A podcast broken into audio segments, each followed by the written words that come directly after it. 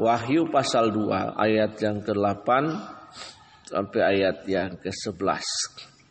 Wahyu.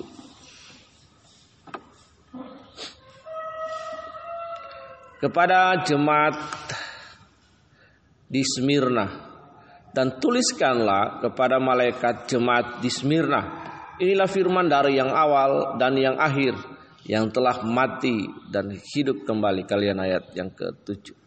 Aku tahu kesusahanmu dan kemiskinanmu, namun engkau kaya dan fitnah mereka yang berdiri orang Tetapi sebaliknya tidak demikian. Sebaliknya mereka adalah. Jangan takut terhadap apa pun yang harus engkau derita. Sesungguhnya iblis akan melemparkan beberapa orang dari antaramu ke dalam penjara, supaya kamu dicobai dan kamu akan beroleh kesusahan selama sepuluh hari hendaklah engkau setia sampai mati dan aku akan mengaruniakan kepadamu mahkota kehidupan.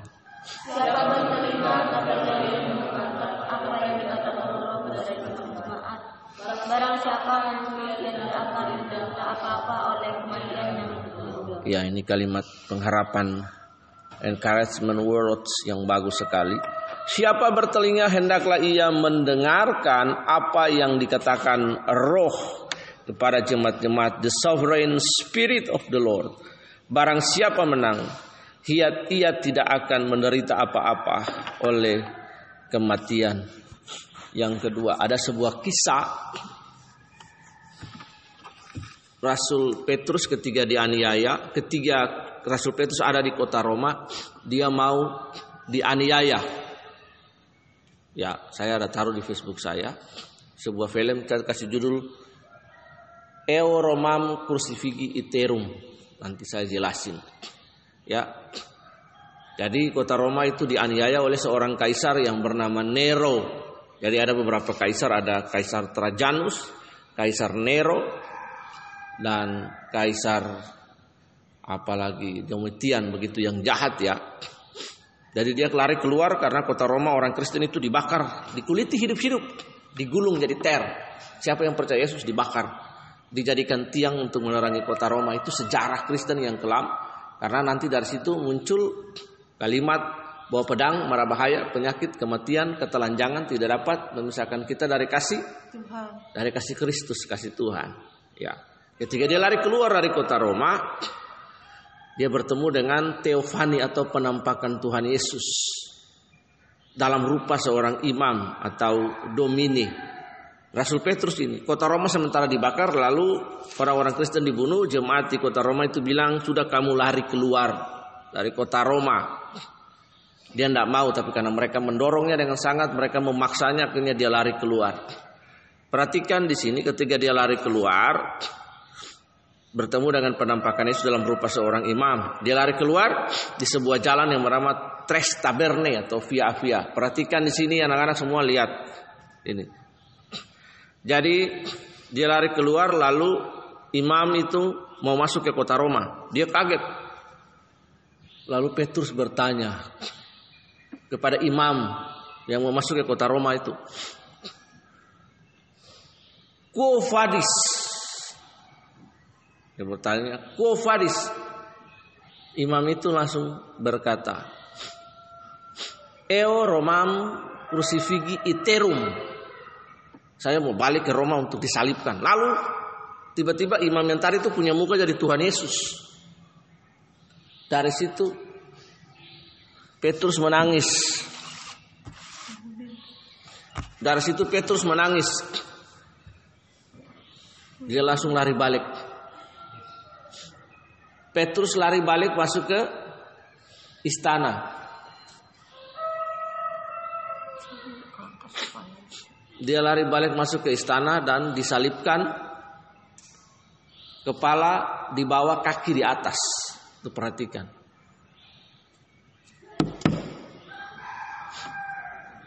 Ya, kepala di bawah, kaki di atas. Itu cerita pertama. Cerita kedua, ada satu keluarga India itu bertobat terima Tuhan Yesus. Satu desa itu ketahuan mereka tangkap satu keluarga itu satu keluarga itu untuk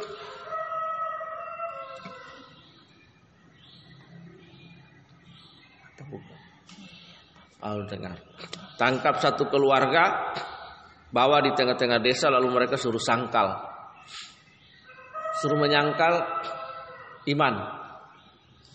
Diludahin, dipukulin sampai dikasih waktu kalau ndak bertobat, kamu akan mati. Dia memilih untuk tidak menyangkal. Lalu terciptalah sebuah lagu seperti ayat yang kita baca ini. Mengikuti Yesus keputusanku Mengikuti Yesus keputusanku Mengikuti Yesus keputusanku Ku tak ingkar, ku tak ingkar Salib di muka, dunia di belakang. Salib di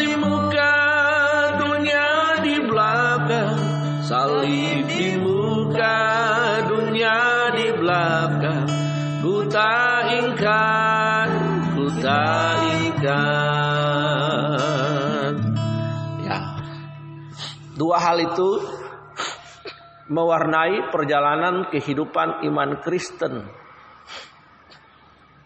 Jadi proses penderitaan itu jangan dipahami sebagai sebuah sebuah beban. Jangan dipahami sebagai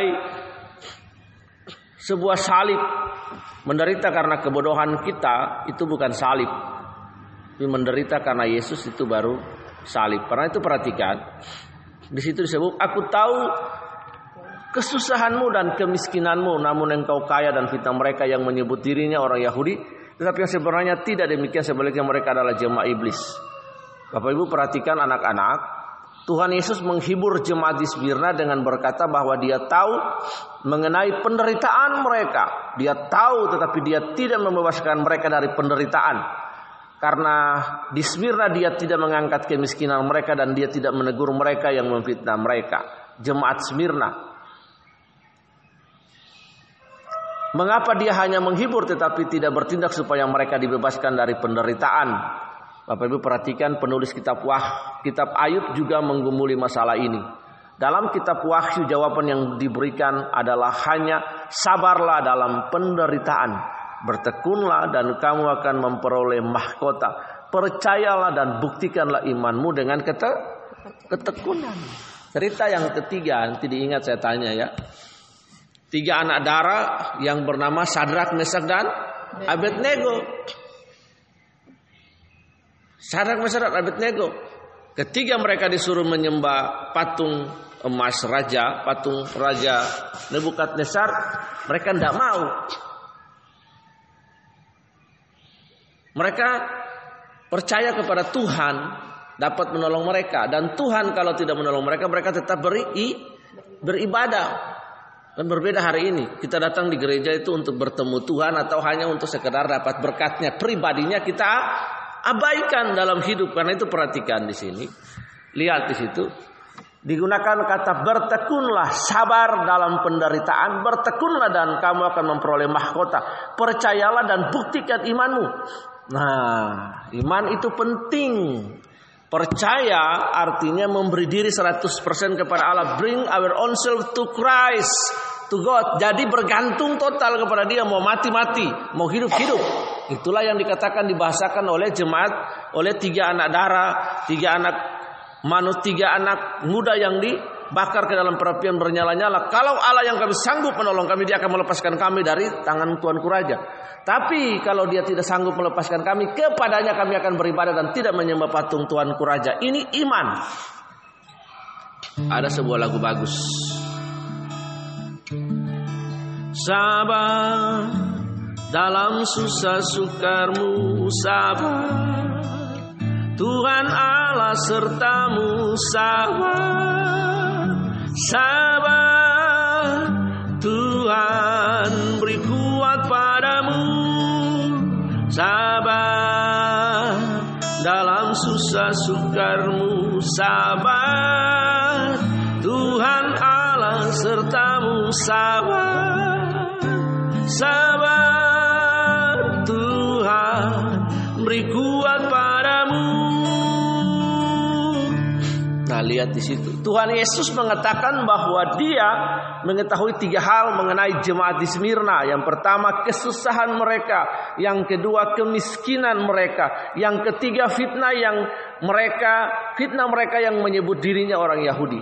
Jemaat di Smyrna dipuji sebagai jemaat yang mengalami kesusahan dan kemiskinan. Rupanya kesusahan mereka terdiri dari kemiskinan dan aniaya. Oleh karena kota Smyrna adalah kota yang begitu kaya, maka diduga bahwa jemaat yang bergabung dalam jemaat Kristus itu menjadi miskin. Bukan karena lapisan masyarakat mereka rendah, tapi karena mereka dianiaya. Seperti apa yang disebut dalam surat Ibrani 10 ayat yang ke-34. Kita baca sama-sama.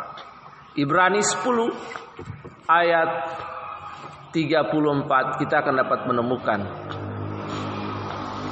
ayat yang luar biasa di situ. Ibrani 10 ayat 34 yang sudah dapat katakan amin lalu kita baca bersama-sama.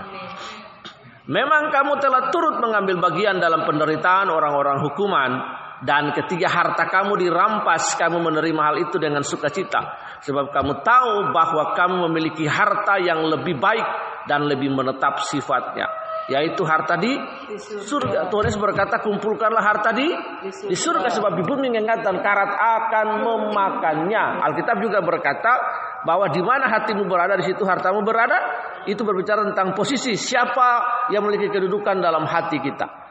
Menurut Tuhan Yesus apa yang dianggap kemiskinan itu sebenarnya adalah kekayaan. Perhatikan dengan baik. Dunia ini selalu opposite. Bagi orang yang kaya dia pikir kekayaannya itu segalanya. Tapi kekayaan yang dimaksud bagi kita adalah Kristus Yesus yang menetap dalam hidup kita.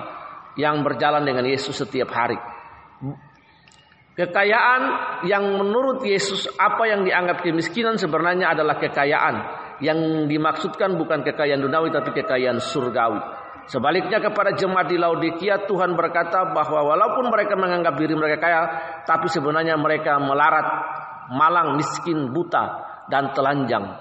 Ajaran yang sama dengan ini tidak jarang terdapat dalam perjanjian baru. Karena itu mereka perhatikan baik-baik.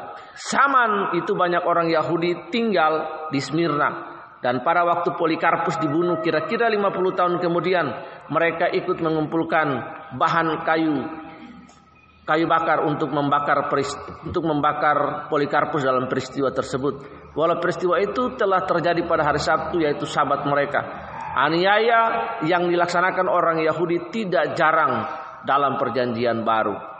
Nah karena itu perhatikan dengan baik. Tesalonika berkata anggaplah kalau kamu jatuh ke dalam berbagai-bagai penco pencobaan. Artinya to account if God bring you for all the process to purify untuk memurnikan. Dengar dengan baik. Nah itu. Perhatikan dengan baik. Mantap yes. Ya. Tuhan ingin memurnikan setiap kita melalui pro proses pencobaan itu untuk menjatuhkan, menghancurkan. Pencobaan itu tujuannya menjatuhkan, menghancurkan. But proses bring you to purify. Ah, untuk memurnikan kita. Ada sebuah lagu bagus. Purify my heart. Let me be as gold and precious silver purify my heart. Let as gold. Ah, sampai di situ saja. Ya lihat, dari Tuhan ingin proses itu memulihkan ki kita supaya kita tahu, kita sadar. Ikut Yesus itu tidak gampang, tidak gampang. Mau doa pagi sana teler. Bagaimana mau ikuti sih sebentar lagi parang taruh di leher di sini. Ya, parang taruh di leher Roy Ponto anak umur 14 tahun itu. Sebelum peristiwa itu terjadi, peristiwa Ambon sudah ditanamkan ikut Yesus. Nah, doa mengantuk mengantuk. Nah, Pagi-pagi dia setiap hari itu semangat. Sebelum peristiwa dia dipotong itu dicincang. Bukan dipotong lagi dicincang. Menyangkal Yesus. Nah, beta lasar itu parang jatuh truk, parang tusuk di sini. Anak umur 14 tahun, model-model begini bisa sangkal Yesus. Parang kena, iya. Dia enggak terima. Ada berapa belas parang kenal tuh. Tusukan tombak parang. 14 tahun, umuran 14 tahun. Untuk mau doa pagi ya kadang kita juga begini. Harus dipaksa. Apalagi yang parang beneran. Itu neneknya ini orang masak sayur tuh parang telur lari atas semua ting ting ting dia lari dengan kompor dengan makanan. iya. Neneknya ini siapa dah guys. Semua orang takut. Ada yang mati. Nah lihat. Karena itu proses itu penting bagi kita. Ikut Yesus Tuhan dari awal bilang ikut aku menderita.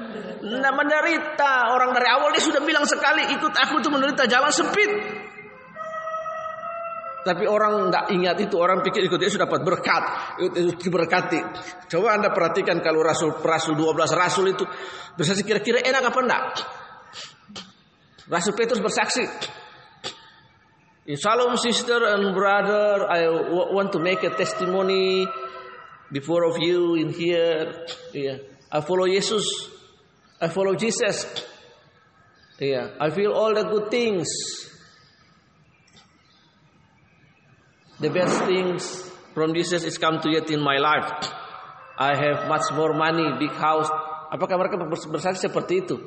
Kan enggak. Ikut Yesus itu menderita. Untung aja dia bertobat. Kalau enggak nyangkal kan. Belum benar-benar ikut Yesus yang sungguhnya.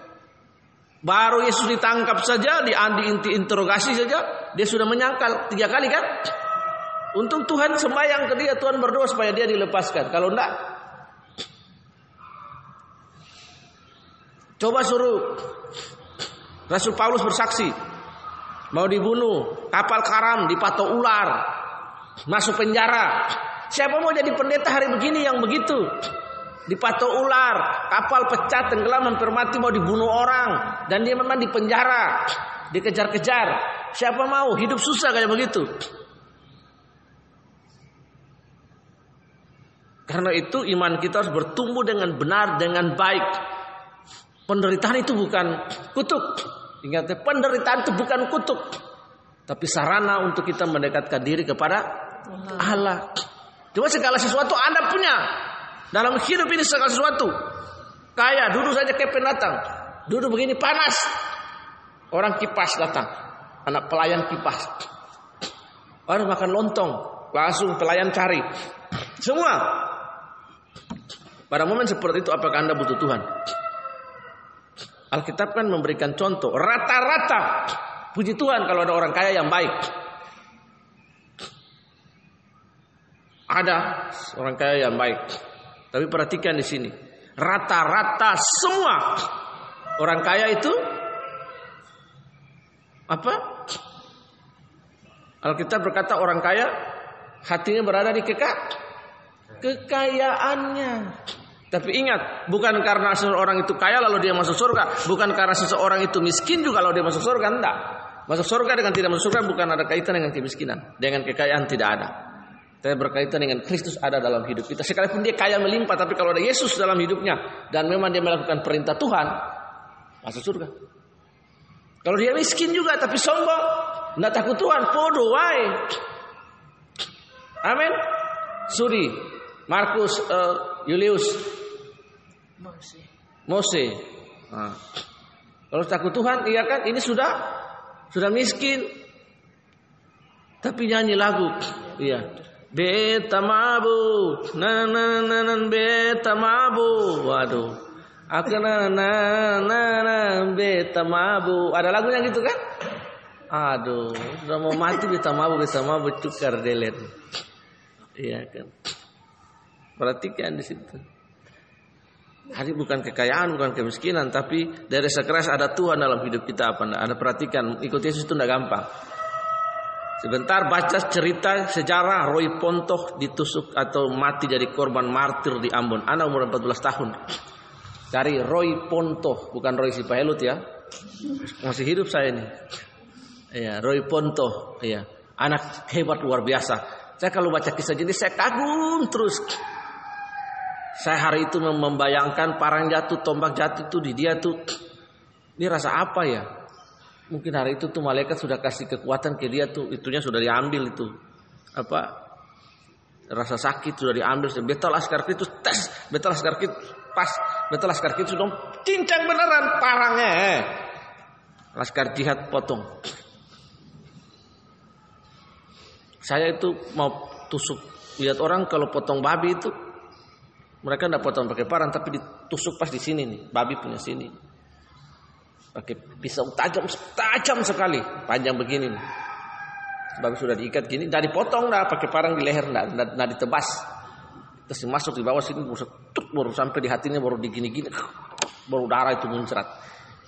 Iya. Seringkali saya masih put, masih putar nonton video orang potong orang potong orang itu. Lihat saya ngebayangin Roy Ponto itu. Ini anak ini bagaimana? Saya ngebayangin Tuhan sudah kasih kekuatan ke dia jadi parang ada empat tiga puluh lebih tuh tusukan parang tombak jatuh di badannya. Ini kita baru jatuh saja kaki robek sedikit terkelupas kecil aja. Iya. Baru dikasih mau ditowel. Apa? Lumpur. Subataria besar-besar tuh iya. Lihat jangan kasih yang kecil di sini itu kayak labir satu muka begini. Dia menangis besar. Nah, lihat ya. Itu jadi kalian harus punya dasar yang kuat. Supaya di tengah jalan besok itu tidak gampang murtad. Ada cewek yang kalian suka akhirnya ikut. Ada cowok yang kalian ikut akhirnya ikut. Murtad gampang dengan kekayaan, harta dan jabatan. Semua orang punya kemungkinan murtad. Murtad itu saja bukan pindah agama, murtad itu menolak Yesus, membuli Yesus, meragukan Yesus eksistensinya dalam hidup ini. Itu murtad. Hari tunduk kepala kita berdoa. Bapak kami bersyukur kami belajar daripada jemaat di Smyrna. Mereka hidup dalam kemiskinan, sabar dan tekun dalam penderitaan. Dari contoh hidup mereka pada hari-hari ini, kami belajar Tuhan bahwa ikut Yesus tidak mudah, tidak gampang. Tapi melewati semua proses hidup. Di dalam nama Tuhan Yesus berkati semua aktivitas yang akan kami lakukan pagi hari ini. Mari kita berdoa untuk memberkati setiap pribadi yang membantu menolong sponsor di tempat ini. Yang pertama, anak-anak wanita berdoa memberkati gereja Jejon Somang Piowe. Berdoa Tuhan memberkati seluruh jemaat yang ada di sana, pendeta Pastor Kang Bang, dan seluruh uh, presbitor pelayan yang ada di sana Tuhan memberkati. Yang laki-laki berdoa memberkati Pak Irwan dan Ibu Irwan. Saya dan Mama berdoa untuk memberkati Ibu Linda dan Pak Indra. Tiga, ya. Bapak, Bapak kami berdoa dalam nama Tuhan Yesus. Kami memberkati Pak Indra dan Ibu Linda, rumah tangga mereka, Tuhan, pekerjaan dan pelayanan mereka Tuhan memberkati. Dan pelayanan-pelayanan mereka sekeluarga Tuhan memberkati. Dan tengah-tengah pandemi COVID ini Tuhan, usaha mereka Tuhan memberkati seluruh karyawan-karyawan mereka. Hikmatmu Tuhan berikan pada mereka. Kami percaya Tuhan, Bapak keputusan-keputusan dan pilihan-pilihan strategis daripada Tuhan hadir dalam hidup mereka. Bapak yang memberkati apa pun yang mereka kerjakan di tengah-tengah pandemi COVID, memberkati hidup mereka di dalam nama Tuhan Yesus. Kami berdoa dan mengucap syukur rahmat Allah dan anugerah Allah besar hadir dalam hidup mereka. Kami berdoa dan kami bersyukur di dalam nama Tuhan Yesus. Terima kasih Tuhan. Ya, Mama berdoa bagi Ibu Anakesya dengan uh, Abigail. Kemudian yang perempuan berdoa untuk memberkati Pak Sugeng Wijaya dan Pak Kris Wijaya yang sponsor bagi anak-anak di tempat ini. Kemudian anak-anak laki berdoa buat Amang Maruhal Sihombing dengan anaknya Theo dan Iel. Saya akan berdoa buat uh, Petra dan Peter dari Belanda. Mari kita berdoa. Bapak kami berdoa memberkati Peter dan Petra dari Belanda. Kasih karunia Allah menolong dan memberkati mereka. Kami berdoa, berdoa memberkati juga Tuhan Mbak Vicky. Tuhan menolong dan Tuhan memberkati Mbak Vicky dalam setiap urusan, dalam setiap pekerjaan, dalam setiap hal apa pun yang dikerjakan di dalam nama Yesus. Kami berdoa memberkati KIT di negeri Belanda, Tuhan menolong memberkati buatan Anoya di Ambon, Tuhan menolong dan Tuhan memberkati Pak Dosen Irwanto Forester Tuhan memberkati di dalam nama Tuhan Yesus. Kami memberkati beliau Tuhan dengan apa pun pekerjaan-pekerjaan yang beliau lakukan. Kami berdoa dan mengucap syukur memberkati Tuhan Tuhan Kohirianto dan Ibu Yudi Tuhan menolong dan memberkati dalam setiap usaha dan pekerjaan-pekerjaan yang mereka lakukan Tuhan. Memberkati Pak Park dan Ibu Park Tuhan memberkati mereka dalam semua hal yang mereka kerjakan. Memberkati setiap pribadi yang menabur bagi pelayanan-pelayanan di tempat ini Tuhan. Kami menolong memberkati mereka dalam setiap pekerjaan dan pelayanan rumah tangga keluar mereka di tengah-tengah pandemi COVID ini pemeliharaan Allah dari padang gurun sampai padang rumput Tuhan dalam setiap musim berlaku atas hidup mereka. Berkat Allah berlaku atas hidup mereka. Kami serahkan semua aktivitas pagi ini ke dalam tangan Tuhan. Mari angkat tangan dan terima berkat Tuhan. Kasih karunia Allah yang jauh melampaui segala roh hikmat akal dan pikiran. Menolong dan memberkati kami sepanjang hari ini di dalam nama Tuhan Yesus. Peganglah tanganku roh kudus setiap